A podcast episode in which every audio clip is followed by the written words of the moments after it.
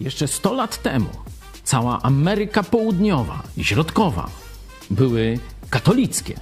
Co się stało, że w ciągu kilkudziesięciu lat diametralnie zmienił się duchowy, religijny obraz tej części świata? W, we wszystkich krajach Ameryki, kiedyś łacińskiej, dzisiaj są już wieloprocentowe wspólnoty protestanckie, a w największym państwie, w Brazylii, e, protestanci już walczą o większość. Ale co się stało także na poziomie społecznym? Czy te zmiany duchowe, te zmiany religijne wpłynęły na codzienne życie mieszkańców kiedyś łacińskiej Ameryki? O tym za chwilę, także z mieszkańcami tamtych okolic.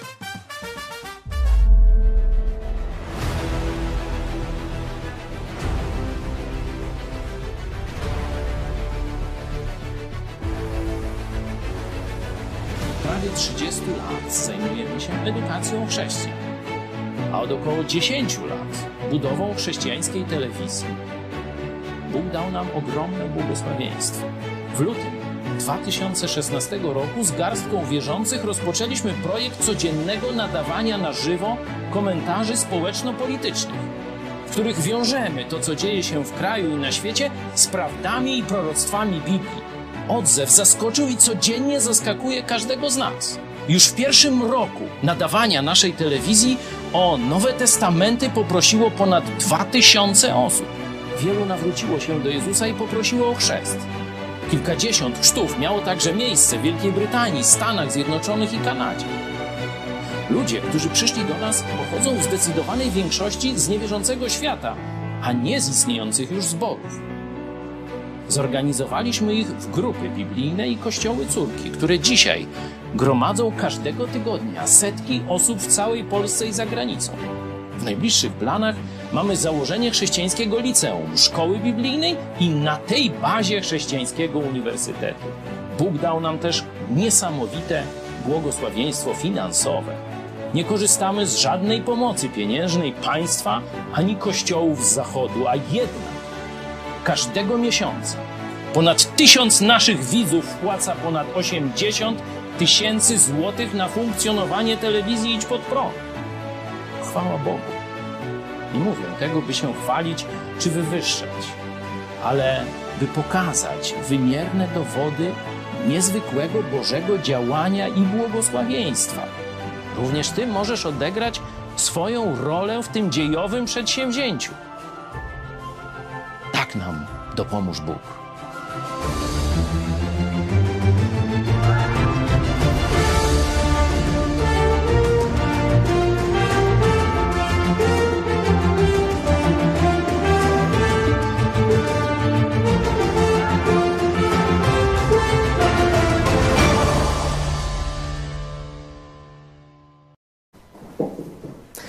Tydzień temu mieliśmy z okazji święta dziękczynienia wieczór amerykański.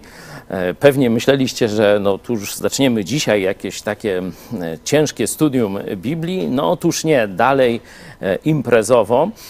No, winna albo ma zasługi z powodu tej, tej właśnie zmiany jest Beata, która przyjechała z córką po 27 latach pobytu w Hiszpanii. Stąd pomyślałem, że jak na morzach i oceanach, to właśnie anglosasi przez wieki rywalizowali właśnie z katolickimi Portugalczykami, czy przede wszystkim Hiszpanami, no to zajmiemy się tym, co dzieje się właśnie w tym drugim, po anglosaskim chyba kręgu e, kulturowym tu naszego zachodu, e, czyli Ameryce łacińskiej dzisiaj poświęcimy główną uwagę, chociaż też będziemy e, mówić o e, samej Hiszpanii. E, jak, nie wiem, czy możemy pokazać, już są też potrawy, także jesteśmy nie tylko merytorycznie, biblijnie przygotowani, ale mamy też potrawy. W międzyczasie prze, prze, przedstawię jeszcze drugiego gościa. Jest z nami Marlon, e, który jest Brazylijczykiem. Poznał Chrystusa mając e, kilkanaście lat. Dzisiaj mieszka w Polsce, wyobraźcie sobie. jeszcze, żeby skomplikować sytuację, ma żonę, nie tak jak się spodziewacie, Polkę, tylko Węgierkę. Będziemy pytać Marlona przede wszystkim właśnie o to, co dzieje się i działo się w Brazylii, e, właśnie z, z tego, w tej dziedzinie, że kiedyś to był tradycyjnie e, katolicki kraj. Mówiło się o Brazylii, że to jest największy naród katolicki na świecie. Najwięcej e, katolików w jednym państwie to było właśnie w Brazylii, a dzisiaj prawie połowa już to nie są katolicy, zdecydowana większość z nich to ewangeliczni e, protestanci. No ale najpierw zaczniemy jednak od stołu. E, Beata, co przygotowałaś dzisiaj dla nas na mm, ten wieczór iberyjski? Więc y, takie typowe hiszpańskie danie to jest tortilla española na, z ziemniaków i, i jajek. To jest taki typ omlet. Czyli rozumiem, że to rano, tak jak u nas jajecznica w hotelach czy coś takiego, czy omlet, to tam przede wszystkim No to. nie tak bardzo rano, raczej też po południu, w barze, na przykład Aha. w barach na przekąskę, to zależy. Na kolację, często A, właśnie czyli całodniowe typowe, tak, danie. całodniowe danie, tak. I takie typowe właśnie hiszpańskie danie. I krokiety też właśnie z, y, to co właśnie widzimy, to jest hamon, hamon y, iberico, to jest, to jest właśnie z tej, tak- znaczy to jest hiszpański typowy taki hamon. I właśnie widzimy jak to się robi, tam właśnie to się y, w tym Jeszcze ta kiełbasa fuet. Y, Fuet, tak, fuet i co więcej, fuet i typowy ser hiszpański, także takie typowe. Wow, no to widzicie, co nas tu. Także czeka. to, co widzimy.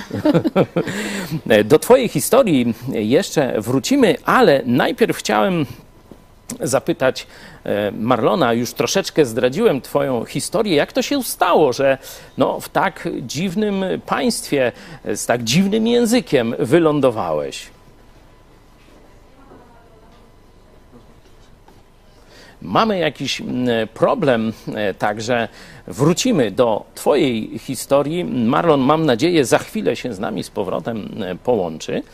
E, 27 lat temu, tak jak wielu Polaków, pojechałaś, no powiedzmy, za chlebem, Za za, chlebem. innym życiem Dokładnie. do Hiszpanii. No i opowiedz nam te pierwsze wrażenia. Wysiadasz z samolotu, wychodzisz z lotniska i co? Ktoś tam na ciebie czeka?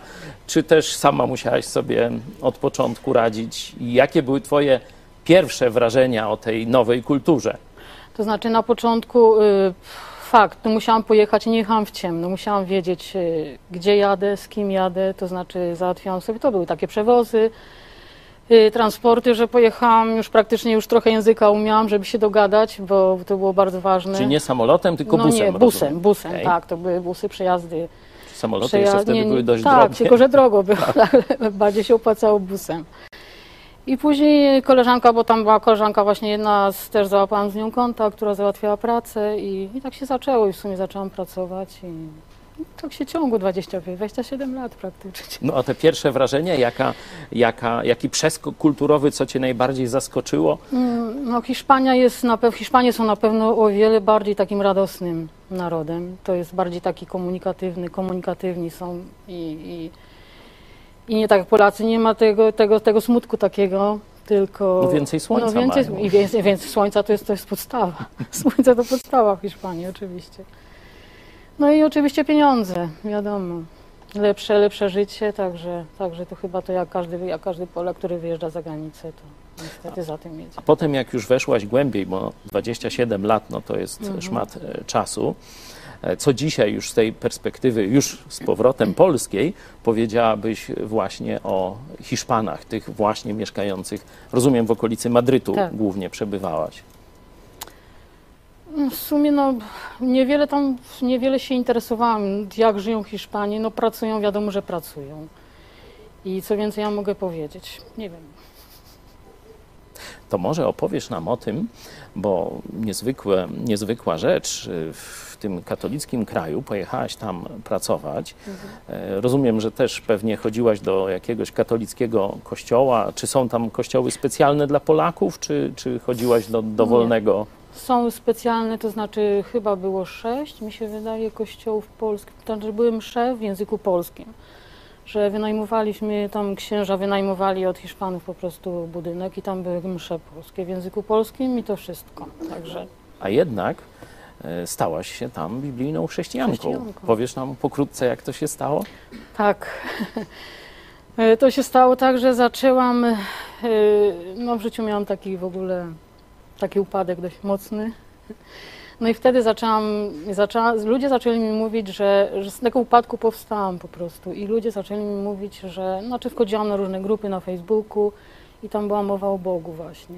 I ja stwierdziłam, że to na pewno był, na pewno była ręka Boga, że po prostu ja wyszłam z tego właśnie takiego strasznego doła, no i zaczęłam szukać. I zaczęłam szukać i wiedziałam, że to był Jezus. Wiedziałam, że to był Jezus na pewno, także zaczęłam go szukać. Tu i tam y, różne to kościoły, pojawiały mi się charyzmatyczne, później jakieś tam jeszcze adwentyści Dnia Siódmego i tak dalej. Tam miałam zamiar jechać, ale w końcu jakoś tak nie pojechałam, zawsze mi to schodziło. No i w końcu na polskie. Zaczęłam szukać w internecie polskich, y, chrześcijańskie jakieś tam grupy, w ogóle kościoły i tak dalej. To na początku to z różnych i Cyrikas i takie różne.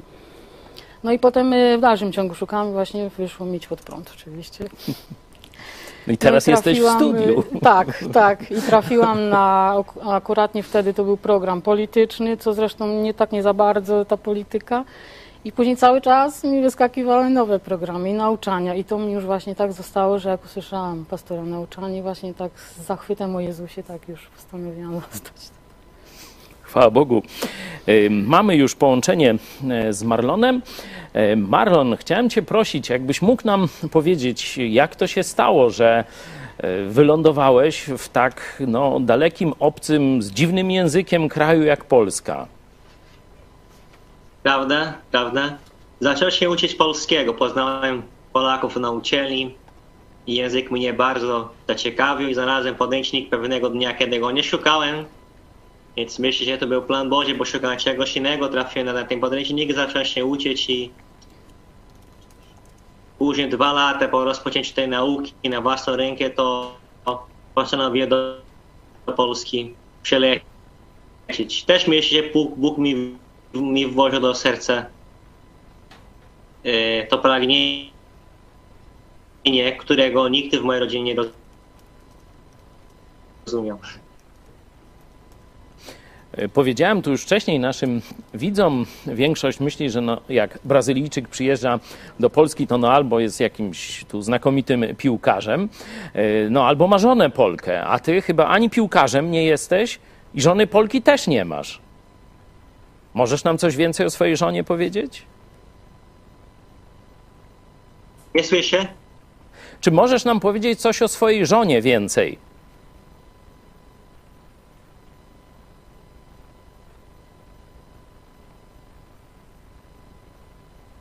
Halo, halo? Tak.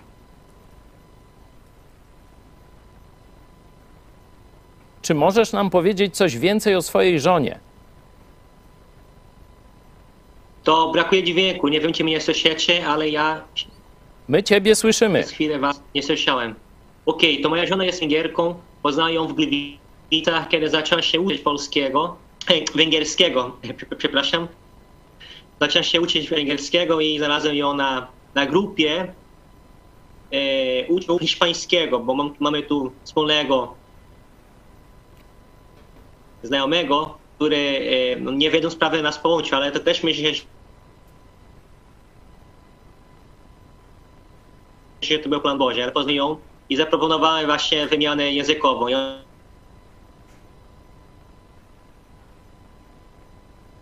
No ona ci chciała ze mną hiszpański, bo nią ci chciałem węgierski, bo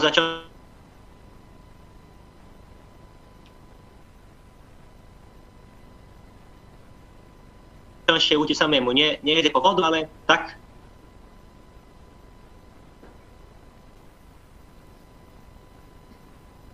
Halo, halo? Czy mamy połączenie z Marlonem?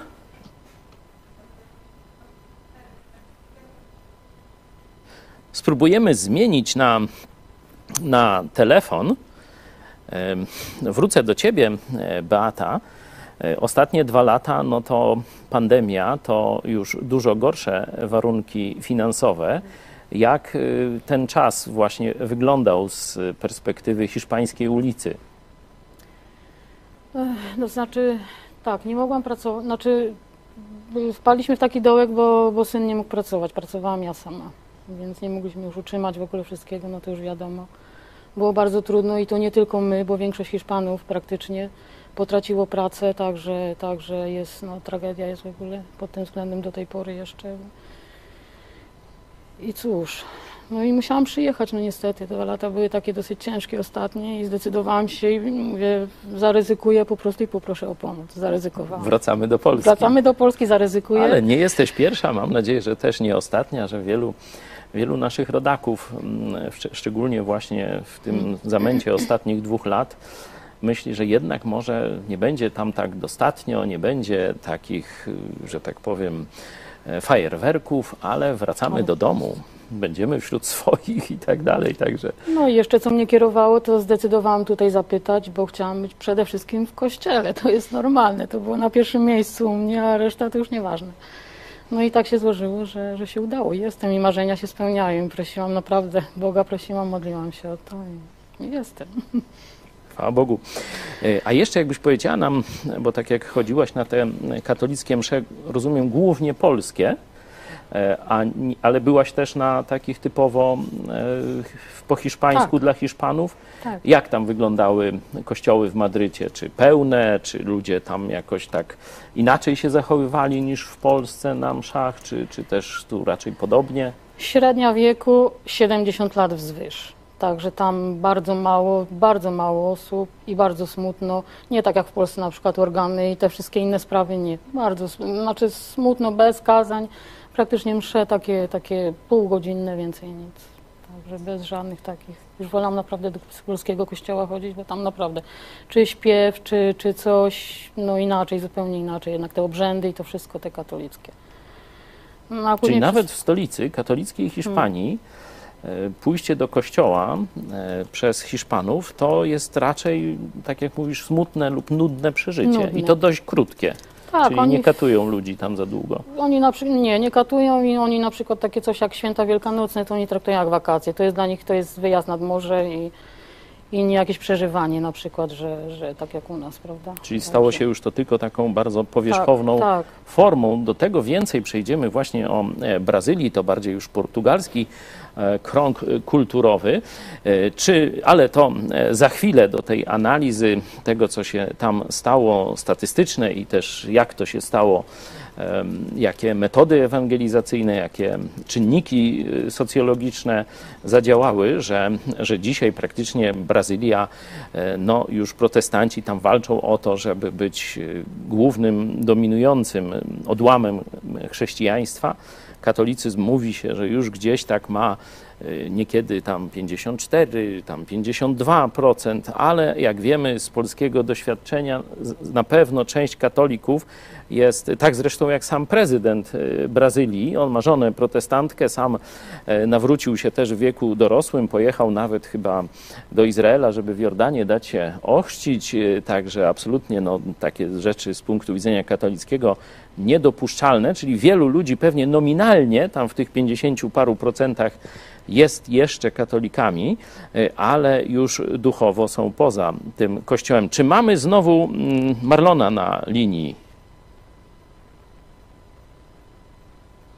Bo Jestem chcia- tu jak najbardziej. Ja was nie słyszałem, ale widziałem cały czas. Za problem przepraszamy. Bo chciałem Ciebie, tu pytałem Beatę o- o nawrócenie, chciałem Ciebie zapytać, jak Ty doszedłeś y, w katolickim kraju do osobistej wiary w Jezusa Chrystusa. Wiem, że miałeś wtedy tylko kilkanaście lat. Tak, tak. By, byłem kat- katolikiem e, trochę, trochę praktykującym. Mówię, mówię, że trochę, bo byłem zawsze na mszy w niedzielę. Z powodu nauki, jak miałem w domu, jak byłem jeszcze mały, to zawsze przed snem robiłem e, te wyuczone na pamięci modlitwy. Nie, nie takie naturalne, że z Bogiem rozmawiam, ale takie teksty gotowe już. Trzy, cztery takie właśnie zawsze robiłem, więc e, no, z myślą o Bogu byłem i ciężko nie być u nas. Nawet ten, który nie uważa się za katolika, za protestanta, to jakieś, jakieś myślenie czy tam mówienie o Bogu ma w swoim życiu na, na co dzień, bo to jest trochę część kultury. Ja miałem 13 lat, to koleżanka mojej mamy, która była ode mnie chyba z 6, może 7 lat starsza, zaczęła mnie zapraszać do, do swojego zboru protestanckiego. I wtedy to już miałem trochę, trochę niedosytu, taki niedosyt w kościele katolickim, bo chciałem Więcej, ja, mo, ja mógłbym sam otwierać Biblię i czytać samemu w domu, tego nie robiłem. Znaczy potrzebowałem takiego wsparcia, nie? Takiego wsparcia starszych innych osób i tego tam nie miałem. Takiego wsparcia, takiego chę- zachęcenia. Zawsze też tak było, że po mszy nigdy nie rozmawiało się o tym, co tam się działo, o tym słowie. Gdybym próbował, to ja byłem dziwaczny. No, zawsze było to bardzo to dziwne, jakby Bóg był tylko w tym kościele podczas mszy i nic poza tym, nie? Więc ale ta koleżanka zaczęła mnie zapraszać, trochę się bałem, bo wtedy miałem, tak jak chyba dużo ludzi ma, dużo katolików, tak pomyśli, że to jest jakaś tam sekta, boję się, co tam robią, nie, nie znam za bardzo. Jak ktoś nie zna czegokolwiek, to trochę się boi na początku. I ona upierała się, tak, upierała się. Ona tylko mnie nie zapraszała, nie, nie za bardzo jakby głosiła Ewangelię, bo ona chyba jeszcze była świeżo nawrócona, ale mnie zapraszała na nabożeństwo, dla niektórych to starcie, nie, bo zaczyna chodzić i zaczyna poznawać, więc przynajmniej takie zaproszenie też pomaga dla niektórych jako formę ewangelizacji. I ona przez prawie miesiąc, taki ona chyba, nie wiem, czy wybrała jakiś cel, ale w pewnym momencie przez miesiąc, co, co tydzień, raz albo dwa razy mnie zaprosiła, mnie zapraszała i w dniu nabożeństwa do mnie przychodziła, pomimo, że mówiłem, że nie, że nie pójdzie, że nie chce. Ona, I ona była to na nabożeństwo dla młodzieży nie? w sobotę. I ona była tuż przed nabożeństwem mnie w domu, żeby mnie wziąć, żeby mnie... I myślała, że to jest jakaś szalona, wariatkiem. Ja mówię, że nie pójdę tam.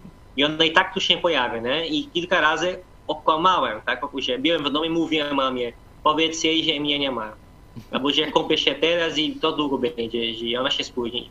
No wiele razy, nie? Ale aż pewnego dnia ona mnie by pokonała, nie? Tak mieściła się, że już miała dosyć tego i, po, i po, powiedziała sobie, ja tam pójdę, ona będzie zadowolona, nie wiem po co to ma być. Ale od tego dnia zacząłem chodzić, się zainteresować i znalazłem to, czego szukałem. I już myślałem, że o, tu mogę ten, ten niedosyt skończyć, mogę tu znaleźć e, tego, czego tam nie ma za bardzo w kościele katolickim. A jak zareagowała mama? No bo ty, tak jak mówisz, miałeś wtedy 13 lat. E, I Mama za wtedy... bardzo nie rozumiała o co chodzi, bo, bo ja chodziłem do, do, do kościoła sam. Ona nie chodziła ze mną na mszy, ona mnie uczyła takich zwyczajów. Miała takie, powiedzmy, pobożne życie, ale to tak samo nie chodziła do kościoła katolickiego, nie? E, Tata też nie za bardzo, więc ona, mm, ona, ona nie rozumiała, on tak się nie bała, nie miała nic przeciwko. Ona była zaciekawiona, bo ona ze, zechciała ze mną tam pójść, zobaczyć, nie? Bo widziała, że jestem zachwycony, że zadowolony, nowe kontakty, przyjaciele, bo jest inna atmosfera, tak? Zaczęła poznawać też młodzież i była zaciekawiona ze mną była. Ja się spodobało, ona mówi, że tam jest za głośno, że za głośno, za głośna muzyka, że to jest dla, dla, dla młodzieży i tak, taki styl ma ten kościół, nawet dla dorosłych, nie? Ale potem samo szukała innego zboru protestanckiego, bo jakoś jej się podobał ten styl i, zaczęła chodzić do, do innego, nie? gdzie była właśnie taka muzyka e, ze śpiewnika kościelnego, bardzo fajnie, bardzo cenna, my nie używaliśmy go i wtedy ona tam się odnalazła w innym zborze protestanckim i z, i z nim tam byłem kilka razy nawet, nie? I do dzisiaj chodzi. Słyszałem, że też no, na mamie się nie skończyło, ale też inni członkowie twojej rodziny też y, nawrócili się do Jezusa. Tak, tak, tak, powoli, powoli, tak, to po mamie to moja siostra, moja siostra była jeszcze młodsza, jest ode mnie o 6 lat młodsza, więc ona zaczęła ze mną chodzić. Nie była zmuszona, ale też była zaciekawiona i chciała z bratem tam być, mieliśmy zawsze dobre relacje, byliśmy, zaczęliśmy chodzić tam razem, też miała tam kontakty. Potem mój brat, bo mój tata ma drugą rodzinę, założył drugą rodzinę, więc on tam ze swoją rodziną też. Tam zaczął od brata, od mojego młodszego brata. Dla tych, którzy nas tutaj oglądają, warto pamiętać, że trzeba poszczać ziarenko w sercu dziecka. Mam teraz syna, ma 3 lata. I ten mój brat, nie pamiętam ile miał lat, ale, ale był mały jeszcze, jak zacząłem ewangelizować go. Ale no, w taki sposób, że ja, ja tylko opowiadałem postacie biblijne. Nie? I tak robiłem zazwyczaj, jak byłem u taty, bo mieszkali gdzieś indziej, to jak odwiedzałem, próbowałem zawsze codziennie myśleć sobie, to jest moja jedyna chwila, mój jedyny moment, kilka dni, szansa, żeby poszać ziarenko w tej rodzinie, coś robić, nie? I opowiadałem o postaci biblijnej. I to się podobało mu, bo, bo to był przed spaniem. Czasami ja nawet byłem, byłem zmęczony po dniu tam z nimi i on sam chciał posłuchać. Mnie pyta, prosił, więc to było fajnie. I dzięki temu e, w późniejszym wieku, on jak był już nastolatek, to on się nawrócił, nie? On miał parę doświadczeń życiowych, nawrócił się. Pamiętam właśnie to, co mu mówiłem, opowiadałem, to czego nauczyłem. Może nam powiesz, Marlon, trochę więcej o tym, co się wydarzyło w ostatnich, no powiedzmy, 50 latach w Brazylii, bo jeszcze na początku XIX, XX wieku, przepraszam, przed I wojną światową, to praktycznie był stuprocentowo kraj katolicki, tak jak powiedziałem, największy naród katolicki na świecie. W latach 70. nastąpiła gwałtowna zmiana. Oczywiście no, tych czasów nie pamiętasz, ale na pewno z, z, z historii, z opowiadań innych też starszych protestantów, no, możesz nam przybliżyć, co takiego stało się w ostatnich kilkudziesięciu latach, że z kraju całkowicie katolickiego dzisiaj praktycznie jest to pół na pół katolicko-protestancki naród. Tak, tak, tak. To jest tak, jest kilka czynników. Po pierwsze, migracje wśród kraju. To, że ludzie wyprowadzają się z biedniejszych miast do bogatszych miast. To właśnie sprzyja właśnie jakby naszej religii albo naszemu sposobu, tak, uwielbienia Boga, poszukiwania, poszukiwania Go, bo jak one, one są poza swoim miastem, rodziny w innym miejscu mieszkają, tak jak São Paulo, Rio albo w inne duże miasta w Brazylii, to się odnajdują w zborach, w, kościołach, bo mogą tam kontakty nawiązywać i zbory bardzo szybko działają w tych fawelach, które są znane brazylijskie, albo w te biedniejsze dzielnice, które powstają wskutek tej migracji w Brazylii i mogą pomagać e, socjalnie, mogą pomagać, dawać im kontakty i pomagają duchowo, bo wtedy są daleko od, od swojej rodziny, od przyjaciół. No i, i w, tym, w tym jesteśmy dobrzy, my protestanci. Kościół katolicki jest taki bardziej tradycyjny, tak? Jest taka cała hierarchia i struktura. Nie mają takiej swobody, takiej mobilności, tak jak my. Kolejna rzecz jest to, że a, mamy miejsce w telewizji, w radio, czasopisma. Wywalczyliśmy to, bo to jest taki sposób docierania, więc ludzie mogą dzisiaj włączyć telewizję i jest kilka kanałów nawet, nie, w które właśnie lecą nie tylko tak jak my tutaj telewizja chrześcijańska, ale lecą te nabożeństwa, które są nagrane na żywo i ciągle są kościoły, które organizują kilka razy dziennie swoje nabożeństwa. Nie tylko na godzinę, na półtorej godziny i kilka razy, więc to są takie duże i oni mają kilka pastorów, nie, żeby robić, żeby oni robili codziennie gdzie możemy puszczać codziennie te nabożeństwa i ludzie tam są też na żywo, więc też pomaga w tym, żeby to wzrastać. Kolejna rzecz jest to, że jest ciepło ludzkie. Nie powiem, że tego brakuje w kościele katolickim, ale ciepło ludzkie jakby ze strony samych liderów też. Bo to był, to był ten, ten mój problem, nie? Gdybym chciał z księdzem pogadać, porozmawiać, poznawać, u, nauczyć się od niego, tak? Bo może on był bliższy, bliższy Bogu, tak samo myślałem, nie? niż ja bardziej doświadczone, to nie ma takiej opcji za bardzo. A w, kości w kościołach na, naszych protestanckich jest, nie? Może bardzo, bardzo łatwo poznać z bliska pastora, swojego pastora, swoich pastorów, gdzie jest ich więcej. Jest kilka liderów, nie?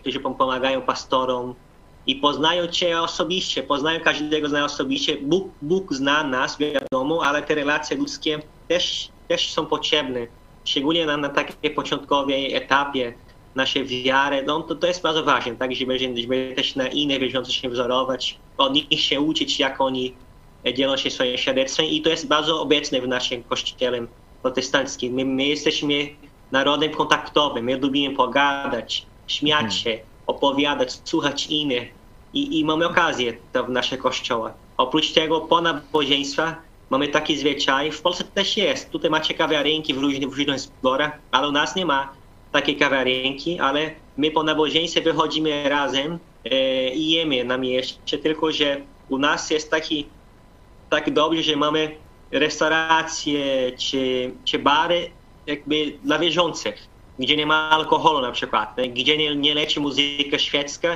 e, siedzimy po nabożeństwie i, i lecą pierwsze wielbienie. Jemy jakąś kanapkę, czy pizzę, czy cokolwiek i po, mówimy może o naszym tygodniu, nie? rozmawiamy dalej o tym, co mówili na nabożeństwie i to też zachęca ludzi, nie? więc ten cały ten kontakt, nie? To, to jest takie coś, co się naturalnie tworzy, to bardzo zachęca, warbuje ludzi. Nie? Oprócz tego, to, że ludzie widzą, że nie żyjemy tylko religią, nie? że tak jak myślałem tam o, o tym kościele katolickim, że, że tylko w, e, w, e, w niedzielę jesteśmy na mszy, tylko tu, tu jest Bóg i tyle. Nie? To ludzie tego nie, nie widzą, widzą, że się po prostu żyjemy tym, nie?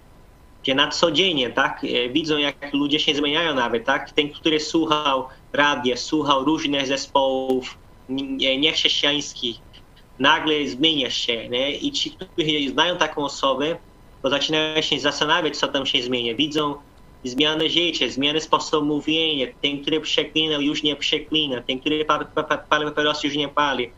U nas, jeżeli chodzi o alkohol, jest tendencja, żeby zero spożywać, zero, nic. Że chrześcijanin u nas nie pije piwa, nic. Więc jak ludzie widzą te zmiany, to niektórzy myślą, że o, ograniczają cię, robili ci pranie mózgu, i, a, a, a inni tak patrzą inaczej, że o, jednak są zmiany, nie? że to, że ktoś ma taką wiarę i e, czy idzie do tego zboru, się przekłada na jego życie codziennie. I to też warbuje ludzi, tak, bo widzą w tym, że to jest realne, tak, że, że i oprócz tego to, co Bóg dokonuje, tak, różne uzdrowienie w swojej rodzinie, sprawy sądy rozwiązanie, też jakby błogosławieństwo finansowe, jak ktoś na przykład ma lepszą pracę, bo też miał takie kontakty w kościele, albo sytuacje różne w swojej pracy są, są zmienione, więc to ludzie zac- zaczynają się zastanawiać, że coś tam jest, czego nie ma w innych miejscach. Nie?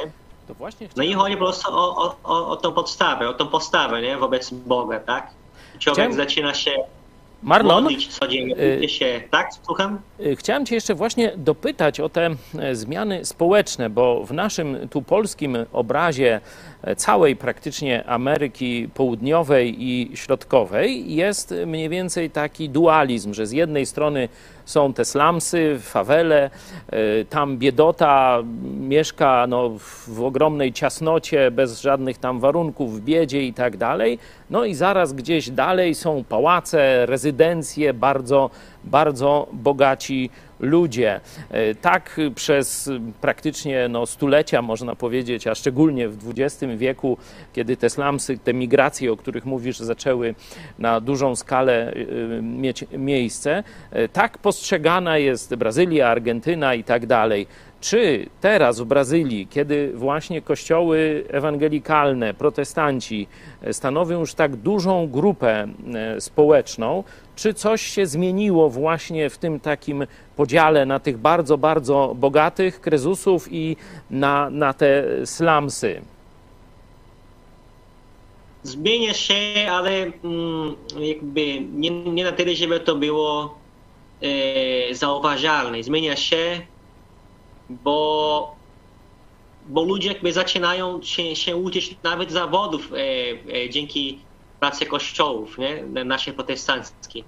Zaczynają e, zobaczyć życie w inny sposób, że mogą mieć na siebie pomysł, że mogą e, szukać Boga i że mogą patrzeć i, i znaleźć te rozwiązania problemu. Więc to, to, to, się, to się zmienia e, bardzo, ale to nie jest aż tak widoczne, bo pamiętamy, że te slumsy, o których mówimy, nie są wszędzie w Brazylii, są tylko w, w, w niektórych stolicach i powstają z powodu migracji, bo to są ludzie, którzy nigdy mieszkali w stolicy, w jakimś dużym mieście i zaczynają nowe życie nie? i robią to bez wcześniejszego zaplanowania.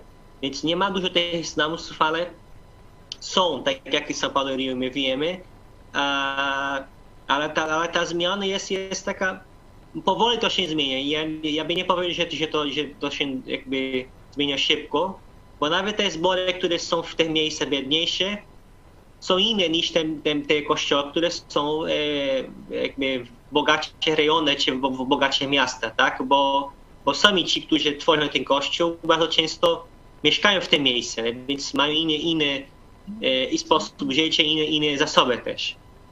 Przejdźmy. ale naprawdę e, to daje e, jakby nadzieję, nadzieję ludziom. Nie? I to jest to, co warbuje niektórych. Ja nie powiem, że to źle, ale nie możemy zobaczyć Boga jako, jako ten, który tylko nasze problemy rozwiązuje i daje bogactwo tu na ziemi. Nie? I jest taka w niektórych kościołach, bo jest taka te- te- teologia sukcesu, która jest bardzo popularna, bo dużo ludzi, tak jak mówiliśmy, jest biedny, więc mają taką nadzieję, że to się zmieni i, i to się zmienia, tak? Ale to nie się zmienia tak, że ktoś jest nagle potem milionerem. To jest tak duża praca za tym stoi, żeby ktoś osiągnął taki poziom, nie?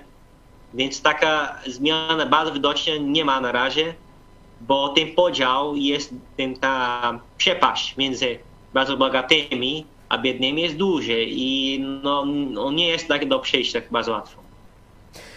Przejdźmy teraz z powrotem e, do Polski, e, bo wiem, że wraz e, z żoną jesteście zaangażowani w ewangelizację w kościele zielonoświątkowym Arka w Gliwicach. Ty pomagasz Tak. też pastorowi.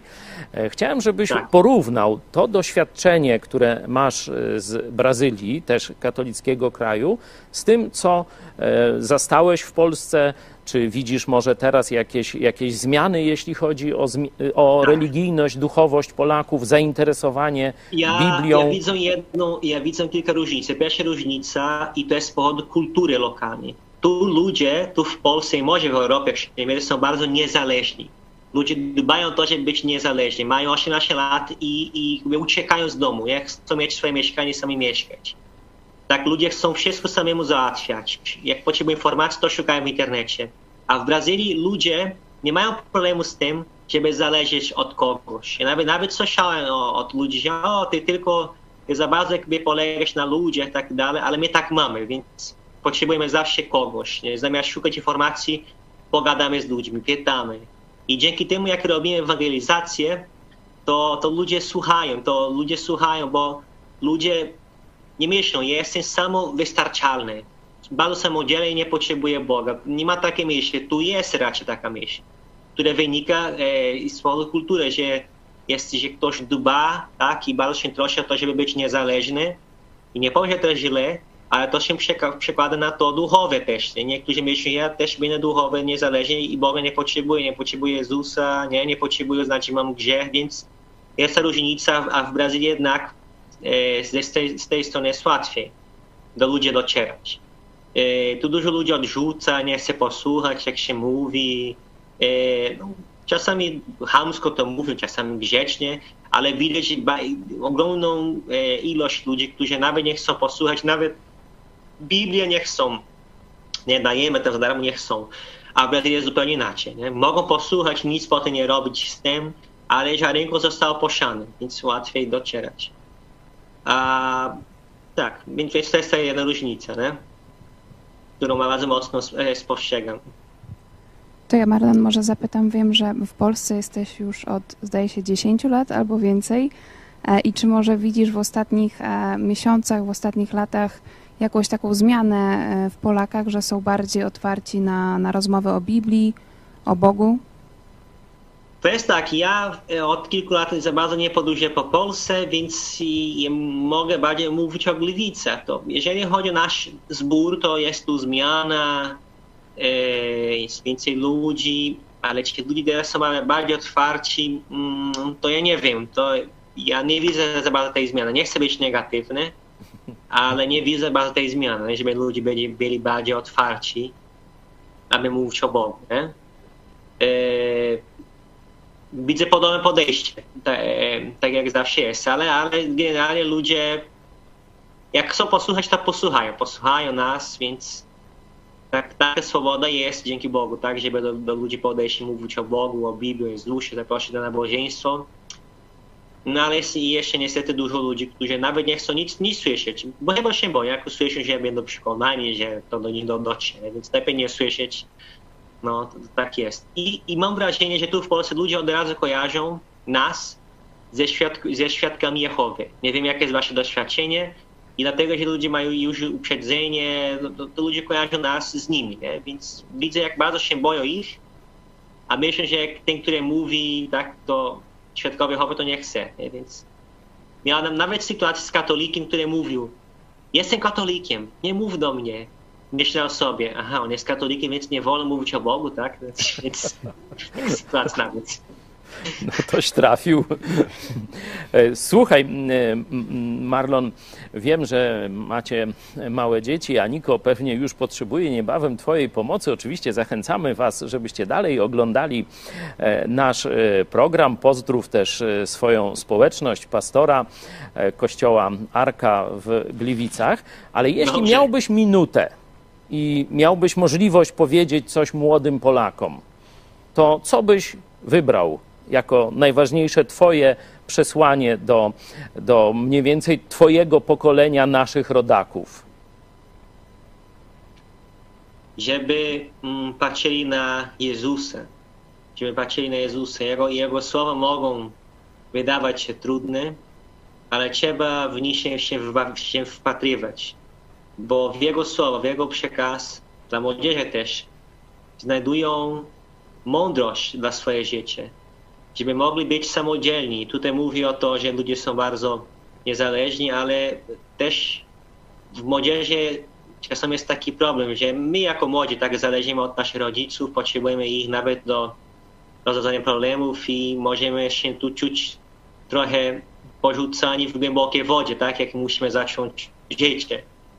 I w Jezusie znajdujecie właśnie tą, tą, tą nadzieję, tą drogowskaz, którego potrzebujecie bo łatwo nam patrzeć na aktorów, na piosenkarzy, jakich lubimy, młodzież tak ma, to nic z tym, ale, ale musimy mieć jako, jako idol czy referencja w naszym życiu kogoś, który naprawdę ma tą prawdę, tą wartość, który, której nie możemy, możemy znaleźć gdzieś indziej, to jest Pan Jezus.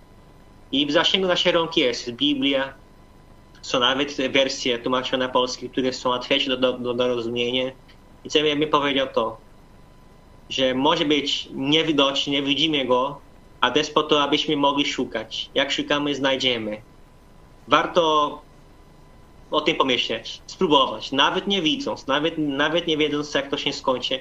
Warto, tak jak się mówi potocznie, tam młodzież, w to się wpakować, warto. Marlon, chciałem już Cię zwolnić do prac domowych, ale nasi widzowie się nie zgadzają. Tu Dobrze. oczywiście zachęcam Was, y, którzy nas oglądacie, żebyście kontaktowali się z nami na czacie, na mail kontakt małpa Mamy właśnie pytanie od naszych widzów. Tomasz Kmak, czy w Brazylii są jakieś duże kościoły chrześcijańskie oprócz tych, co głoszą Ewangelię sukcesu? A, takie bardzo duże, takie bardzo duże, ja bym powiedział, że są, że są. E, ten nurt teologia sukcesu, nie ukrywam, że to jest tendencja na skalę Brazylii. Ja sam pochodzę z tego, tego kościoła, ale dzisiaj inaczej myślę, inaczej praktykuję, praktykuję swoją wiarę. Ale takie kościoły są, ale to nie jest większość. Jak mówimy duży kościół, nie, nie wiem, czy ten brat ma na myśli Arię Polskę, to jest kościół, który ma na jednym nabożeństwie 3000 ludzi. 4000 albo 5000 to jest u nas duży kościół. Nie? Są miasta, gdzie jest 700 kościołów protestanckich, więc kościół jest na każdym rogu nas. E, więc e, znajdziesz, jeżeli ta, to sobie to jest w Brazylii chce być, znajdziesz taki kościół duży, który nie ma teologii sukcesu, bo najpierw takie tradycyjne kościoły zaczęły się w Brazylii, trochę się zmienili tam pod wpływem właśnie tego innego nurtu, ale są jeszcze, znajdziesz, znajdziesz się. Mogę wymienić tu po, e, po nazwie, na przykład jest e, Igreja Batista, e, ma kilka tam odmian, ale Igreja Batista to jest takie jedno, gdzie, gdzie ta teologia sukcesu nie jest, to jest trochę jak was bab, bab, baptystyczny, ale in, inny kościół, to nie jest dokładnie taki sam, nie? E, więc to jest taki duży, mniej niż te pozostałe, które właśnie mm, nie praktykują za bardzo tej, tej myśli Ewangelii sukcesu. Dziękujemy Ci bardzo. E, Marlon, mhm. prosimy pozdrów e, rodzinę. E, oczywiście Dobrze. zachęcamy dalej do oglądania. Jeśli byś miał jeszcze jakąś myśl, którą byście się chcieli z nami, z żoną podzielić, no to po prostu też pisz do nas na czacie, czy dzwoń i będziemy Dobrze. jeszcze raz e, no, łączyć się z Tobą. Bardzo, bardzo serdecznie e, Ci dziękuję. Dużo mamy informacji ze świata anglosaskiego, a ze świata hiszpańskojęzycznego czy portugalskojęzycznego niewiele. E, Tutaj i Beata, i ty bardzo wzbogaciliście naszą e, wiedzę. Teraz Bardzo także dziękuję ci bardzo. Dziękuję, dziękuję bracie. To życzę sukcesu i dziękujemy za doskonałą pracę właśnie w tej, w tej telewizji chrześcijańskiej. Cieszymy się z tego. Amen. Dziękuję za zaproszenie. Y, A teraz przejdziemy do tej statystyki. Tu już y, czeka Jarek, który kilkanaście razy był w Hiszpanii, bardziej w celach turystycznych, mm, ale też poprosiłem Jarka, żeby właśnie zebrał te informacje mm, statystyczne, socjologiczne, dlaczego właśnie doszło do takiego przełomu religijnego w tej takiej mocno dość skostniałej przecież od kilkuset lat strukturze e, katolickiej. Sama nazwa tego kontynentu to jest Ameryka Łacińska, czyli katolicka. E, Będziemy też starali się, tu proszę o Wasz udział, e, myśleć y, kategoriami biblijnymi, jak to, co się dzieje w społeczeństwie, jak to, co widzimy w statystykach, e, jak mm, można powiedzieć, jest skutkiem tego, co znajdujemy w Słowie Boga. Także Jarek, poproszę o pierwszą dawkę tych informacji będziemy tu sobie wchodzić y, w, w, w słowo troszeczkę. Zapraszam, mówię też Was do pytań, do dyskusji. Tu mamy też publiczność. Jeśli macie jakieś pytania, swoją jakąś wiedzę, obserwacje, to bardzo, bardzo Was proszę. Tam mikrofony również są. Tak, więc można by w zasadzie zacząć od tego, że na początku XIX wieku, czyli lata 1800-1820 mniej więcej, no można powiedzieć, że Brazylia była całkowicie katolicka, no 100%, czy tam prawie 100%. E, Wtedy no, przeróżne misje, głównie z krajów anglosaskich, czyli ze Stanów, z Wielkiej Brytanii, tam starali się coś zrobić. No ale przez cały ten XIX wiek, no można by, wydawałoby się, że nie za dużo zrobiono, prawda? Bo z tego co pamiętam, to pod koniec XIX wieku łącznie ilość chrześcijan w Brazylii to się szacuje na około niecałe 50 tysięcy, czyli prawie że nic, prawda? Tyle, co w Polsce teraz to jest porównywalne z tym stanem. Em, Około 1% zdaje się, tak mi dochodziło do 1% co najwyżej. No tak, no, no mało w każdym Bardzo razie, bardzo mało, mało. 100 lat prawie pracy i, E. i tylko 50 tysięcy osób i jeden co najwyżej procent albo nawet Tak. jakiś promil protestantów w katolickiej y, Port- y, Brazylii. Brazylii. No tam też sytuację poprawiła trochę dość duża, znacząca imigracja niemiecka. Tam dużo Niemców imigrowało przez część XIX wieku i początek XX wieku, no nawet aż do jeszcze po II wojnie światowej. No ale oni niespecjalnie byli tacy um, szerzący tą Ewangelię dalej, prawda? Była Czyli- tam część protestantów E, pośród tak. tych Niemców, ale nie byli nastawieni misyjnie. Tak, oni raczej tak Budowali swoje siebie. wioski i Dokładnie. w swoim Mhm. kręgu żyli. E, Później na- jednak, już w XX wieku, na początku XX wieku, te tradycyjne misje właśnie anglosaskie odno- odniosły jednak pewne sukcesy, bo do roku 1930 już się tak szacuje, że było około 700 tysięcy e, protestantów w Brazylii, co stanowiło wtedy 4% społeczeństwa. No ale na tym niejako statystyki się już zatrzymały w tym momencie i to był, można powiedzieć, taki już koniec maksimum, na co mogli, co po prostu można było osiągnąć przy zastosowaniu tamtych metod. Czyli mówię głównie zagraniczni misjonarze, zakładali kościoły, one były prowadzone przez nich. I w stylu Mm. takim dość konserwatywno-anglosaskim, trzeba powiedzieć, jeśli Tak. chodzi o przebieg nabożeństw, spotkań, relacje między ludźmi, a tu Marlon nam mówił, że e, Beata zresztą pewnie też to potwierdza, że to są ludzie tacy bardzo e, społeczno-rodzinni, nie, że oni tu, Marlon mówił, że no Polak czy Europejczyk, y, oprócz kręgu tego iberyjskiego, no to tam sobie sam w internecie wszystko wyszukuje, no a, a Brazylijczyk to zaraz idzie tam, krzyknie przez okno, hej, tam którędy do nieba, nie, czy coś takiego, nie, Y, i y, chce z- od przyjaciół mieć informacje, nie, także kun- kultura anglosaska i ta tradycyjna, tradycyjne podejście misjonarzy rzeczywiście mogło tylko do jakiejś y, skromnej części osób dotrzeć y, w Brazylii czy, czy w innych krajach tego rejonu. No właśnie, i teraz przejdźmy do czasów nam bliższych, czyli lata 60. i 70. Może pokażemy slajd pierwszy, który prezentuje tam, o właśnie tutaj, Tutaj widzimy e, ten pierwszy, taka, taka duża część po lewej, to jest spadek właśnie wiernych kościoła rzymskokatolickiego. Czyli widzimy, że prawie tam 90 parę procent, e, rok, jeżeli dobrze widzę, 1900 70. 70, zwykle. Badania tak. są od tego roku. E, Rok szczegółowe. 2010 to już jest w przypadku Kościoła katolickiego 65%, a jednocześnie drugi, drugi wykres nam pokazuje, nie, przepraszam, jeszcze wróćmy na chwilę do tego wcześniejszego, tak. Co widzimy na drugim obrazku, to to jest to, że jednocześnie z tam 4-5% startuje nam protestantyzm i już w 2010 roku mamy 22%. No, czyli przez 40 lat wzrost o prawie 20 punktów procentowych. No, niebywałe, naprawdę rewelacja. No i od razu się Wzrost nasuwa... wielokrotny. Nie? Tu można mówić o Tak. mnożeniu No tych, tak, tak, tych pomnażają się. kościołów i, i ilości chrześcijan. Tak. No i od razu się nasuwa pytanie, no dlaczego, prawda? No mi się wydaje, że tak nie jesteśmy w stanie do końca tego e, wszystkich aspektów poruszyć, no ale postarajmy się jak najwięcej. E, więc tak jak mówiłeś przed chwilą, że co było w tym protestantyzmie, tradycyjnym, klasycznym, przywiezionym przez anglosasów, no to właśnie te pewne problemy, e, problemy, no takie jak właśnie na przykład jednak trochę skostnienie tych instytucji i takie takie mało emo, mała emocjonalność, prawda? I to się właśnie zmieniło w czasie tej nowej fali lat 70. Ten nowa fala protestantyzmu spowodowała takie drastyczne otwarcie się na, na taką emocjonalność charakterystyczną dla Brazylijczyków, czyli otwarcie się na to, co jest w tej kulturze i zawsze w niej było.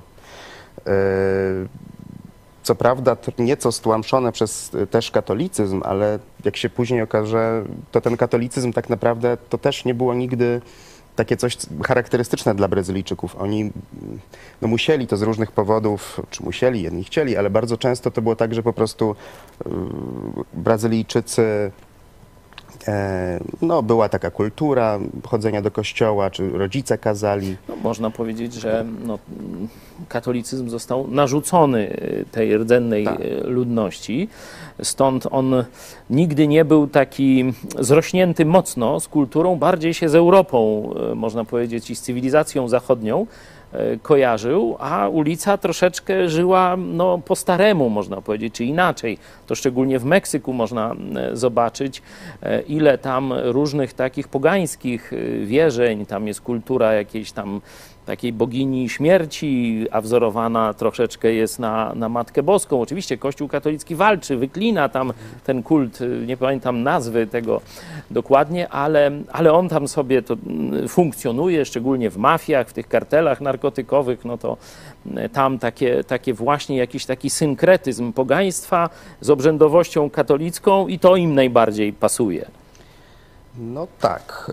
y, Podobna sytuacja też się dzieje w Brazylii, bo właśnie tutaj też były, bardzo dobrze się rozwijały przez cały okres katolickiej Brazylii te różne pogańskie kulty. Raczej nie, że się rozwijały, one cały czas były i jednak katolicyzmowi nie udało się tego zwalczyć. No dzisiaj papież Franciszek e, przecież to właśnie z Amazonii Mhm. e, przywió- kazał sobie przywieźć nad Tybr, no jak to się tam nazywa? Pachamamę chyba, Pachamamę, tak? nie? Tam, tam katolicy austriaccy się zbulwersowali, wzięli tę Pachamamę do rzeki. Y, Tam z kolei połowy później były tej Pachamamy, nabożeństwa pokutne jakieś tam e, papież robił, przepraszając Pachamamę, nie? No także no to widzicie, że teraz jest odwrót tej tendencji w katolicyzmie, że no kiedyś oni mm, próbowali te pogańskie wierzenia wyrzucić, a teraz już na sztyw, znaczy, że tak powiem, na bezczela inkorporują i e, traktują te wierzenia pogańskie jako katolickie.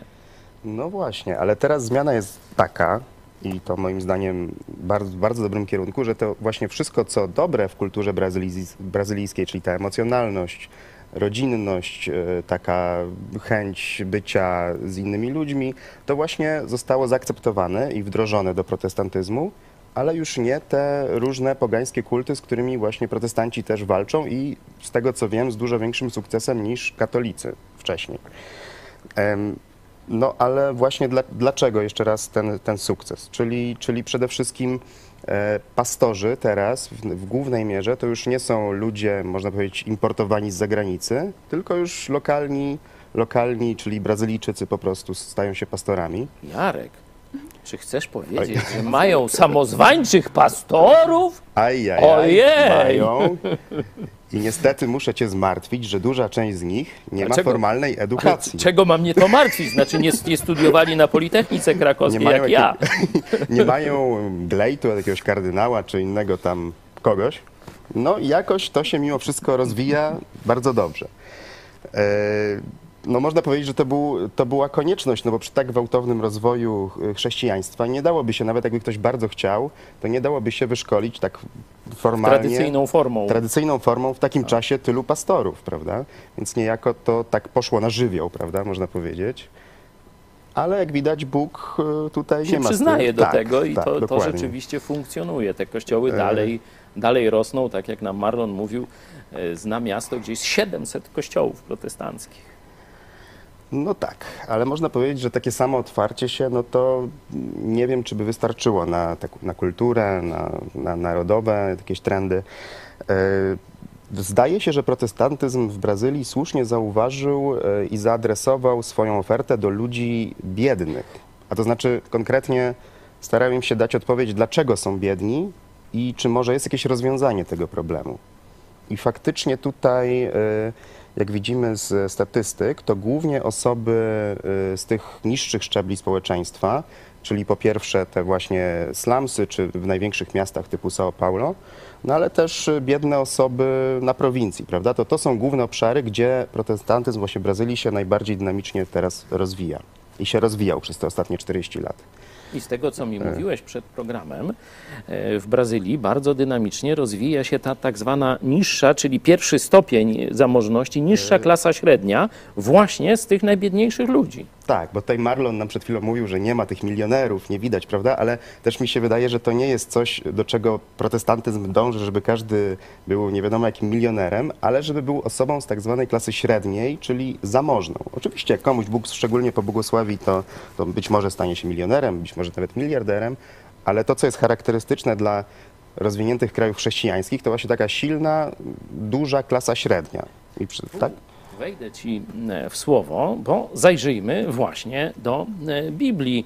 E, Otwórzmy sobie list do Efezjan najpierw, gdzie właśnie ten, można powiedzieć, ta zmiana kulturowa, która dokonała się w kościołach brazylijskich, że ci biedacy, którzy często żyli czy z jakichś drobnych kradzieży, czy gdzieś właśnie z handlu narkotykami, prostytucji, czy no takich właśnie rzeczy, dzisiaj mają swoje domy, mają już swoje biznesy, samochody, czyli tą niższą klasę średnią y, tworzą. W liście do Efezjan apostoł Paweł do chrześcijan 2000 lat temu. Zobaczcie, dzisiaj to do Polaków, do Brazylijczyków y, można y, no, te słowa skierować tak wyjmując je i w, w, bez żadnej interpretacji, nic nie zmieniając. Zobaczcie, kto kradnie, to jest list do Efezjan, 4 rozdział, werset 28, kto kradnie, niech kraść przestanie. No tam jak nie kradł albo tam handlował narkotykami, czy się prostytuował, no to też, nie? Czyli przestańcie pozyskiwać pieniądze nie, z, z niepodobających się Bogu źródeł. Nie? Kto kradnie, niech kraść przestanie, a niechaj raczej żmudną pracą, czyli nie mówimy o milionerach, żmudną pracą własnych rąk zdobywa dobra, aby miał z czego udzielać potrzebującemu. Zobaczcie, to jest właśnie klasa średnia, ta rodząca się, nie? że no biedak to jest zmuszony często wchodzić na drogę łamania prawa, kradzieży i tak dalej, żeby przeżyć, żeby nie głodować. Nie? A tu mamy e, wezwanie apostoła Pawła, tu akurat do kościoła w Efezie. Zobaczcie, to jest dość zamożny y, obszar Azji, nie? tam i wielka Artemida Efeska była i tak dalej, ale spora część kościoła w Efezie to byli ludzie, którzy w ten sposób się utrzymywali z jakiejś kradzieży, szemranych interesów, jakieś łajzy, różne takie e, tam rzeczy. Także adresujemy też do polityków PiSu, szczególnie do niektórych wiceministrów też te, to, to wezwanie, kto kradnie, niech kraść przestanie, a niech się weźmie do roboty wreszcie uczciwej, a nie do ministrowania. I zobaczcie, że oni wchodzą na poziom, nie tylko, że już nie muszą kraść, żeby nie głodować, czyli mają na swoje potrzeby, ale wchodzą na poziom właśnie tej protestanckiej klasy średniej mogą ze względu na swoją ciężką pracę mieć zaspokojone swoje potrzeby i mieć naddatki, mieć już jakiś zapas. I tym zapasem, tu apostoł Paweł ich wzywa, żeby się dzielili z innymi. Oczywiście tam pewnie część tam inwestują, odkładają i tak dalej, ale jest ten, ten etos pomagania innym. I zobaczcie, właśnie o tym Marlon mówił, że tam się to w kościołach dzieje. Jakiś narkoman, no i tam wpiszcie sobie, nie? Taki biedny człowiek, y, którego życie moralne jest na dnie, nawraca się, inni wyciągają do niego ręce i mu pomagają stanąć na nogi. To są właśnie ci, którym wcześniej ktoś pomógł, że oni wyszli z tego, zaczęli pracować i na swoje utrzymanie mieć to, co im potrzeba, i byli w stanie pomagać pierwsze kroki wyjścia z jakiegoś nałogu, ze zmarnowanego życia, mogli następnym podać rękę. I zobaczcie, że ten proces działał 2000 lat temu w kościele w Efezie. Dzisiaj działa w Brazylii. Mam nadzieję, że będzie też niebawem, tak, że tak powiem, aż furczało w Polsce. No chyba, że Kato Komuna nam jakieś tu nowe regulacje, nowy polski dziad wprowadzi, wtedy będzie trudno, ale Bóg i z takimi sobie radził. No warto tutaj dodać, że to nie jest tylko tak, że my tak sobie rozmawiamy o tym, o tej klasie średniej, ale nikt o niej nie widział, nie słyszał, bo e, tutaj różne publikacje czy studia, jak na przykład pana Josefa Portera, e, Pottera z 2014 roku, e, no wprost pokazują, że po przeprowadzonych badaniach, że właśnie jest to zauważalne już statystycznie w Brazylii, że zwłaszcza z tych najniższych grup społecznych widać duży przeskok do właśnie takiej rodzącej się, to się nazywa tam lower middle class, czyli że właśnie takiej e, niższej klasy średniej, że to już się zaczyna tworzyć, czyli to już ewidentnie to już widzą statystycy po prostu. Czyli to działa. Amen. A nie to, czyli to nie jest tylko teoria. no, ale co jeszcze? No bo ważny kolejny punkt, jaki też miał miejsce w Brazylii, to to, że na początku, e, czy w latach 70., 80. i później, e, no, pojawiły się media chrześcijańskie, prawda? Wow! Coś ciekawego, co właśnie się Aż znajdujemy też. Normalnie tutaj. nie będę udawał, ale nie jestem zaskoczony. Tak, no jedna z największych postaci e, brazylijskiego protestantyzmu, pan Edir Macedo, właśnie był odpowiedzialny za tą stację, która najpierw się nazywała Rede Record, później to zostało przemianowane, obecnie się nazywa Record TV. No ale są też, jest wiele innych telewizji już lokalnych, no i też cała masa internetowych.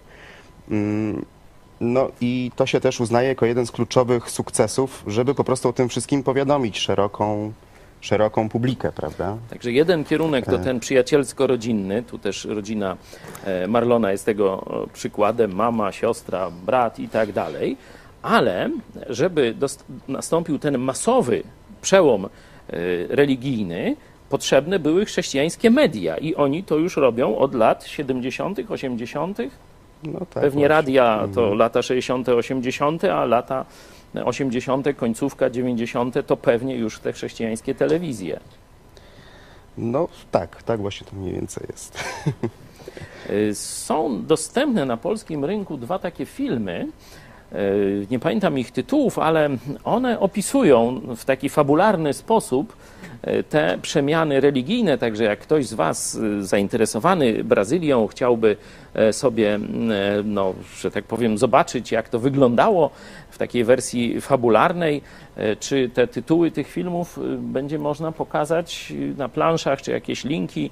E, są w wersji już z polskim, zdaje się, lektorem czy napisami, także zachęcam tych, którzy chcieliby pogłębić sobie i posiedzieć jeszcze w tych, w tych klimatach iberyjskich do obejrzenia. To jest w dwóch częściach historia właśnie takiego człowieka, który z takiej właśnie szukania drogi życia, zmarnowane życie, poznaje Jezusa, próbuje zostać pastorem najpierw w takim tradycyjnym kościele, to się nie udaje, no a potem to nie będę spoilerował, ale nawet biskupi go do więzienia wsadzili, to tyle tylko powiem, ale tak nie do końca im się chyba udało. To jest film e, Nic do stracenia z 2018 roku. Nic do stracenia, a później jest druga część, też pod tym samym tytułem? Proszę, sprawdźcie mi to.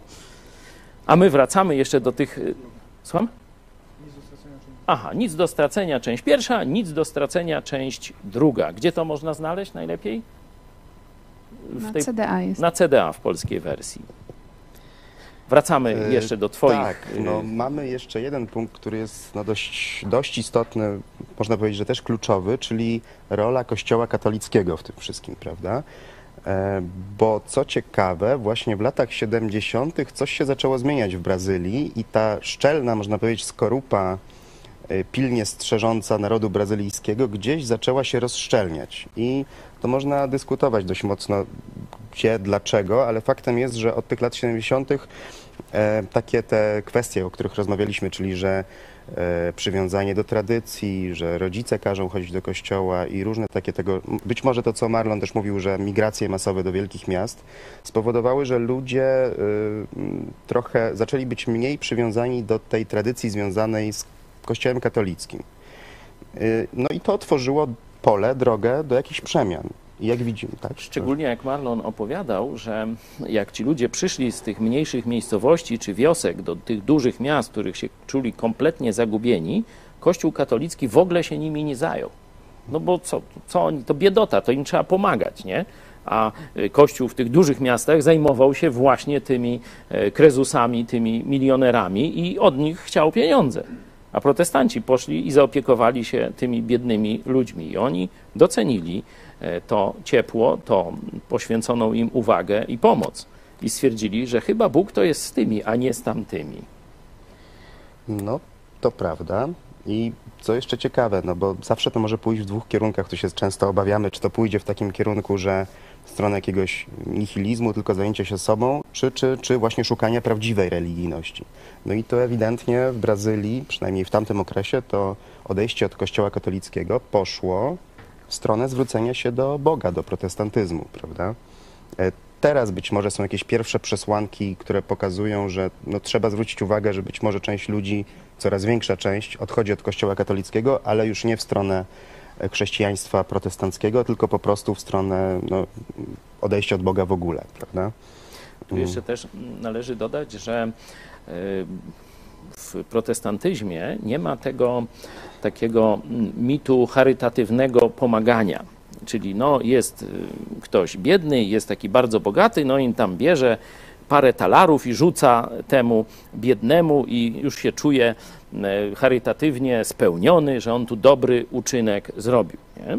Zarówno wzorce e, protestanckie z Europy, jak też oczywiście ten wzór główny amerykański, to jest wzór e, pragmatyczny i pomocy, to mówi się nawet już w, e, można powiedzieć w ekonomii, żeby nie dawać człowiekowi ryby, tylko dać mu wędkę, nie? czyli żeby on sam sobie te ryby łowił. I tu znowu y, chcę Wam pokazać, że to nie jest jakiś wymysł kapitalizmu czy wymysł y, protestantyzmu, tylko o tym y, mówi jasno Biblia. Tu możemy sobie drugi list do Tesaloniczan otworzyć i tam apostoł Paweł znowu mówi. Bo gdy byliśmy u was, nakazaliśmy wam, to jest trzeci rozdział, dziesiąty werset drugiego Tesaloniczan. Kto nie chce pracować, niechaj też nie je. Kto nie chce pracować, niechaj też nie je. I dalej czytamy, że w kościele wytworzyła się grupa nygusów, którzy stwierdzili: O, ci chrześcijanie to mają dobre serduszko, tutaj się wstąpię, tu zjem obiadek, do tego pójdę na kolację, po pirorze i jakoś to będzie. Od rana do wieczora się, e, prze, że tak powiem, przechowam. No i apostoł Paweł e, leczy w Tesalonice taką właśnie no, znaną nam z socjalistyczno-katolickiego państwa przypadłość. Albowiem dochodzą nas słuchy, że niektórzy pomiędzy wami postępują nieporządnie, nic nie robią, a zajmują się tylko niepotrzebnymi rzeczami. Tym też nakazujemy i napominamy ich przez Pana Jezusa Chrystusa. Zobaczcie, to jako prawdę wiary pokazuje, aby w cichości pracowali i własny chleb jedli. Nie? Czyli zaczyna się to, kto nie chce pracować, niechaj nie je, i nakazem do chrześcijan, którzy zaczęli tu negusować, macie w cichości pracować, przestać bajdurzyć zajmować się nie wiadomo czym, jakimiś tam spiskami, e, wiecie, na Facebooku i tak dalej, wziąć się do roboty i własny chleb jeść. Nie? Zobaczcie, to jest etyka biblijna. Nazywa się ją etyką protestancką i zobaczcie, że w Brazylii e, to dało efekt, że z tych mieszkańców faweli dzisiaj mamy rodzącą się klasę średnią Brazylii. A katolicy, jak też pokazują różne studia i publikacje, dalej są bardzo rozwarstwieni na dużą, wielką grupę biedoty, no i bardzo wąską, elitarną grupę milionerów, miliarderów i takich bogaczy. I tam za bardzo nie widać zmian. Tak. No tak. No i dlatego w Polsce nie widać zmian. Dokładnie tak samo. Nie? Biskupi zajmują się e, tymi nowryszami, e, czyli tymi, którzy e, w ramach okrągłego stołu rozkradli majątek publiczny i oni są dzisiaj wielkimi takimi no, top biznesmenami. Z nimi biskupi chcą rozmawiać, a ze zwykłym Nowakiem to już nie za bardzo. Nie? Dlatego właśnie, jeśli nie pójdziemy tą drogą, już teraz pokazuję, nie gdzieś tam jakąś e, pogańską e, czy animistyczną Koreę Południową, nie tam y, tą, jak to towarzysz Brown mówi, szatańską Amerykę, tylko katolicką Brazylię. I zobaczcie, ta księga zmienia kolejny naród. Potrafiła moc Boża, słowo Boga, potrafiło zmienić katolickich Brazylijczyków. No to teraz chyba wreszcie kolej na Polaków, nie? Może jeszcze pokażmy jedną statystykę, taką tą najświeższą, e, bo nie tak łatwo jest znaleźć w zasadzie dane na temat religii, powiedzmy tak z ostatnich lat w stylu 2020 i... i Ostatni spis powszechny tam był w 2010 roku, stąd wszystkie statystyki są dzie- 70, nie? Ale A, mamy ale coś nowego. Mamy i też źródła właśnie brazylijskie podają, to może poczekajmy aż się pojawi, chyba że... O właśnie, tutaj nawet widzimy po, po portugalsku, no ale raczej się domyślimy, co to znaczy katolika i ewangelika. Tak, to, to damy radę, nie jesteśmy poliglotami, ale ogarniemy. Yy, tak. No więc widzimy, że już najdowsze dane, czyli te dane, które są publicznie dostępne na Wikipedii, e, mówiące o tym, że e, protestantów jest około tam 20, nieco ponad 20%, no to już najprawdopodobniej... Passé. Tak, to już musimy raczej odłożyć. To jest sprzed 11 lat. Tak. Teraz widzimy, że już te, te y, bardziej prawdopodobne dane obecne mówią o tym, że katolików, no tutaj akurat jest 50%, a ewangelików 31%. E, No, czyli to już naprawdę, no tak, no już lada chwila oficjalnie katolicy będą mniej, nie będą większością w tym kraju, prawda? No tutaj taka ciekawostka, mówimy dużo o e, Brazylii, ale też w innych krajach tego regionu dzieją się ciekawe rzeczy. Możecie nawet sobie sprawdzić na Wikipedii e, Salwador. To już niewielkie e, państwo, Ameryka Środkowa, e, ale ten sam krąg kulturowy i tam już doszło do równowagi. To nawet Wikipedia pokazuje, że już katolików jest tam 40,4, a protestantów tam 39, tam nie wiem, 6 czy jakoś tak, nie? że to praktycznie już jest równość, jeśli chodzi o e, procent katolików i e, protestantów. Wydaje mi się, że Salwador jest jednym z najbardziej zewangelizowanych e, krajów państw Ameryki Łacińskiej, a Brazylia no, depcze mu po piętach, chwała Bogu. Czy mamy jakieś głosy od naszych widzów albo od naszej widowni? Macie jakieś pytania, uwagi, myśli? E, Szczególnie teraz chciałem, żebyśmy na koniec, e, przed konsumpcją, e, zwrócili się do pytania, jakie wnioski dla Polski, jakie wnioski dla kościołów w Polsce, dla tych 100 telewizji chrześcijańskiej w Polsce, no i dla telewizji pod prąd.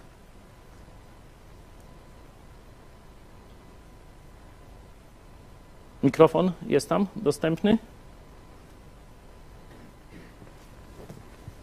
Ja mogę tylko dopowiedzieć do tego, co mówił Jarek, tutaj też głosy z czatu, że super prezentacja e, twoja, ale też, że eksperci, no już ci katolicy nawet zapowiadają, że prawdopodobnie te proporcje protestanci katolicy mogą się odwrócić na, na korzyść protestantów w 2032 roku, więc O, prawie za, za nie. 10 lat. Za pół roku.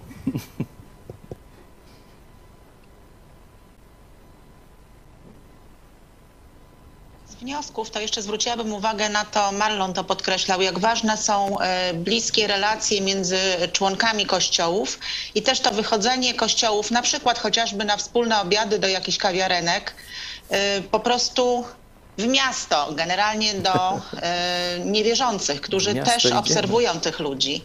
E, to jest ważne. Poza tym e, bardzo często podkreślanym wśród, w Ameryce Łacińskiej powodem do odejścia od katolicyzmu była chęć osobistego kontaktu z Bogiem i myślę, że taka chęć bliskiej relacji z Bogiem i bliskiej relacji z ludźmi na pewno jest też pragnienie Polaków. Tu jeszcze jako minus y, tego, co y, dzieje się w tak gwałtownym, dynamicznym wzroście, tak jak powiedziałeś, tu wielu pastorów, no to bardzo szybko wchodzi na ten poziom zarządzania Kościołem, oznacza to, że, że będą braki teologiczne, braki doświadczenia, będą błędy, będą być może jakieś skandale, nadużycia i to, jak się patrzy na, e, na historię tego, co się tam dzieje, to rzeczywiście to tam jest. Dlatego też y, w tym, co my robimy w Polsce, zobaczcie, jest bardzo ważny ten element myślenia już o kształtowaniu przyszłej chrześcijańskiej, protestanckiej elity w Polsce. Dlatego mówimy o liceum e, protestanckim, to już są w Polsce takie projekty. Mówimy o szkołach e, biblijnych, też jest kilka takich projektów, no ale takiego jak my chcemy zrobić, to jeszcze nie ma. No ale nie ma tego uniwersytetu, gdzie by się właśnie kształcili lekarze, architekci, inżynierowie, dziennikarze i tak dalej, i tak dalej. Od razu już w, można powiedzieć, w łączności z wartościami prawdziwie biblijnymi, a nie z wartościami antychrześcijańskimi lub podobnymi im wartościami katolickimi. Także jeśli chcemy uniknąć tych błędów e, Brazylii czy innych e, krajów e, latynoskich, to musimy już dzisiaj budować fundamenty chrześcijańskiej edukacji dla tych przyszłych przynajmniej liderów, a oczywiście no, tam jak najwięcej tych chrześcijan, którzy mam nadzieję niebawem będą się masowo nawracać. No to katolików, którzy będą się tak masowo nawracać. no właśnie, może jeszcze słówko do powiedzenia, bo właśnie jeśli chodzi, chodzi o tą teologię sukcesu, prawda? Tak się tak trochę w to wejdzie, to można powiedzieć, nie ma co się dziwić, że w kraju, w którym y, właśnie Ewangelia dotarła do wielkiego morza ludzi biednych, y, ta teologia, plus nie do końca, nie, nie zawsze najlepiej wyedukowanych, no ta teologia sukcesu mogła się tam rozprzestrzenić i znaleźć wśród wielu ludzi jakieś tam zastosowanie, ale to nie oznacza, że to y, jest tak na zawsze, prawda? I co widzieliśmy też y, w przypadku Marlona, że on wyrósł z tej teologii, y, wyrósł na tej teologii, ale po jakimś tam czasie zmienił swoje poglądy i je już tam mm, no, dostosował do, do biblijnych po prostu. No, warto by tu zdefiniować mm, tę teologię sukcesu i co w niej jest złe, a co dobre. Nie? No bo jeśli zdefiniuje się teologię sukcesu, że słuchaj, uwierz w Jezusa, a będziesz milionerem, nie?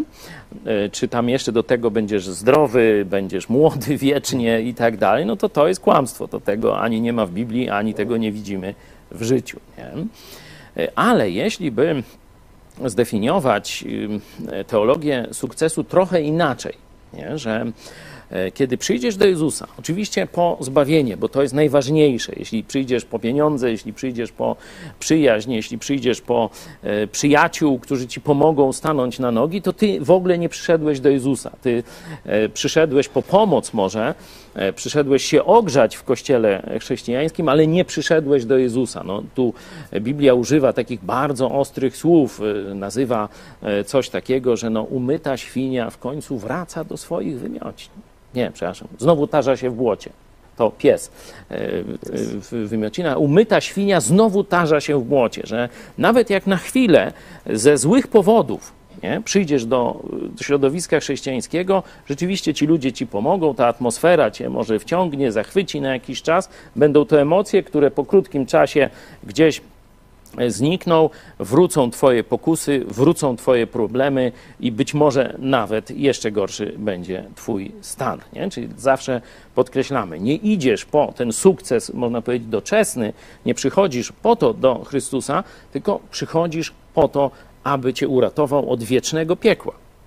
bo na to zasłużyłeś swoimi grzechami. Nie? To jest kluczowe w ewangelizacji, czyli tu ta teologia sukcesu rzeczywiście praktycznie zasłoniła, ta zła teologia sukcesu zasłoniła e, prawdziwe przesłanie Ewangelii i e, jak gdyby bazowała na takich e, porządliwościach trochę, żeby być tam bogatym, żeby lepiej mi było i tak dalej.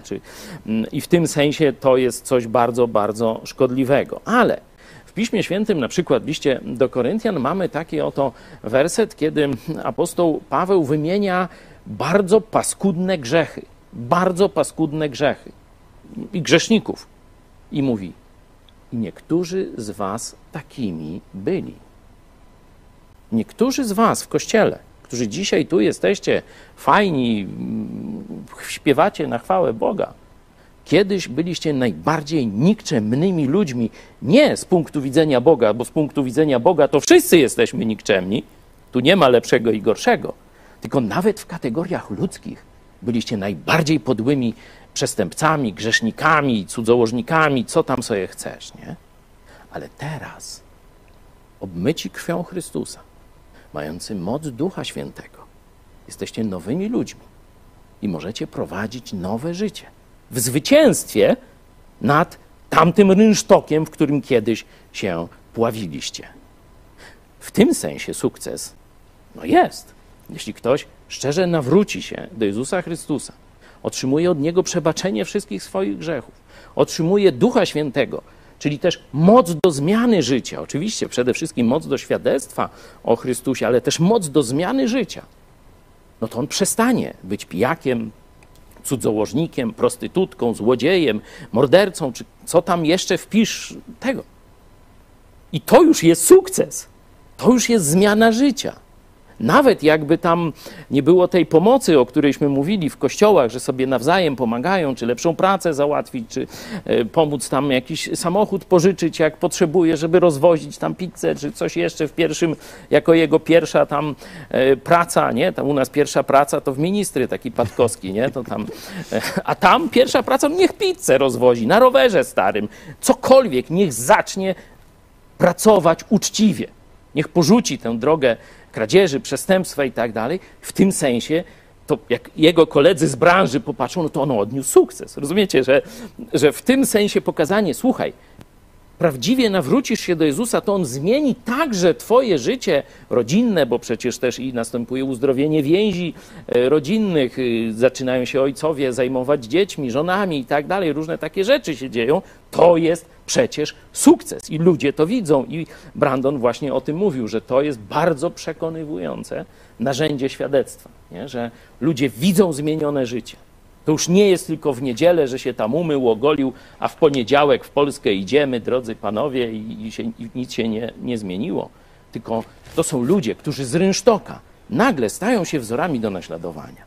I ludzie rzeczywiście mówią, tego inaczej nie rozbieriesz. To Jezus musiał mu pomóc. To Jezus go podniósł. Mamy jeszcze jakieś może głosy, pytania? No szkoda, że to warsztaty, no to to ja może dwa Proszę. słowa. Y, dla mnie to bardzo zachęcające y, dzisiejsze y, spotkanie. To fajnie pokazuje, że Bóg wcześniej czy później taką nówczą pracę od podstaw, tak jak w Brazylii wykonali kiedyś tam chrześcijanie, wcześniej czy później nagrodzi, w tym sensie, że ci ludzie się po, pojawią.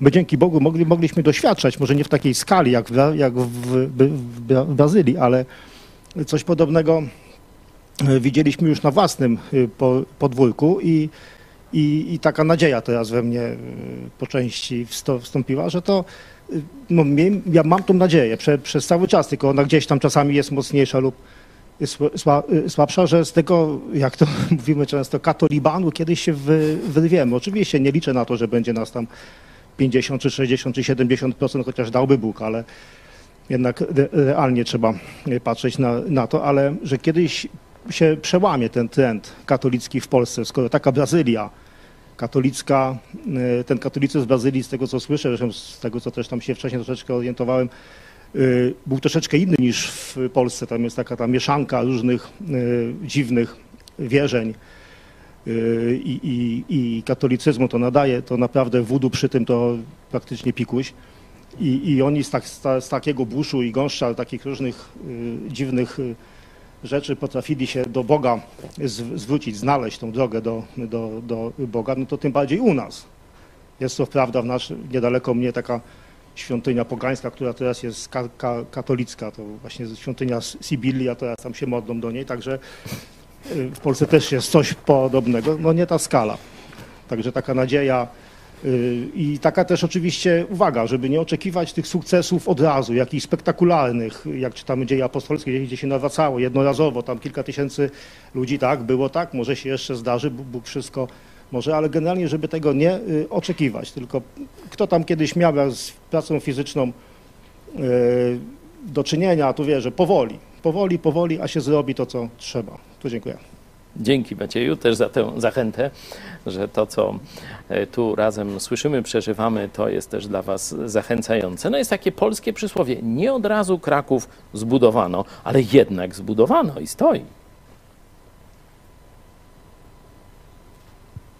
To ja też mogę powiedzieć o osobistej zachęcie dzisiaj, jak rozmawiałam z Aniko, e, właśnie Węgierką, e, która jest żoną Marlona, który dzisiaj u nas występuje na warsztatach, to też poczułam się zachęcona, że chrześcijanie, protestanci z innych krajów no, mieszkają na stałe e, w Polsce i też no, mamy wspólny cel, ewangelizację Polski. Oni akurat mieszkają na e, Śląsku, ale też widzą pozytywne zmiany i to jakoś tak, tak, takiej otuchy mi e, dodało, że rzeczywiście ten cel jest możliwy i też wspomniałeś o tym filmie Nic do stracenia. Pamiętam jak oglądaliśmy o brazylijskim e, pastorze, to rzeczywiście dla mnie to było mega zachęcające, że on nawet się nie przestraszył tego aresztu czy więzienia, że on e, miał taki wielki rozmach, żeby dotrzeć do Brazylijczyków z Ewangelią i no, fajnie, że są takie przykłady do naśladowania z innych krajów.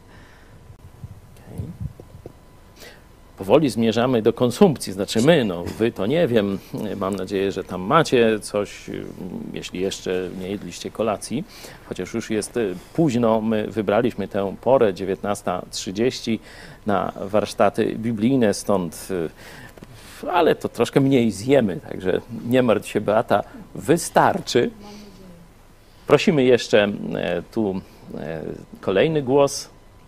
Ja jeszcze na chwilkę, jeśli można. Dzięki, fajna dyskusja, dużo się dowiedziałem o Brazylii, nie tylko. Chciałem tylko powiedzieć, że Salvador, Salvador znaczy zbawiciel po hiszpańsku, więc Amen. w końcu wszystko zaczyna się zgadzać. Tak, rzeczywiście e, tu pewnie jacyś e, mnisi e, czy, czy, czy konkwistadorzy, nie wiem jaka jest historia nazwy tego państwa, no ale na pewno z Europy ktoś narzucił nazwę Zbawiciel, Salvador, ale to państwo jest na pierwszym miejscu, jeśli chodzi o przyjście do Jezusa Chrystusa, tego prawdziwego, żywego, nie w opłatkach, nie w świątyniach, tylko w naszych sercach. E, także to jest też no, taka, myślę, miła puenta. Ja będę się z Wami żegnał. Jeśli macie pomysły na następne tematy, e, warto by kiedyś może taki rosyjski wieczór zrobić. Tak mi to chodzi po głowie. No, zobaczymy. Może tu Eunika na Twitterze, moja córka podała Ameryka Team Spirit, Rosja Sam Spirit. Także będzie ciężko, ale to nie każdy ma głowę, a na trzeźwo nie rozbieriosz.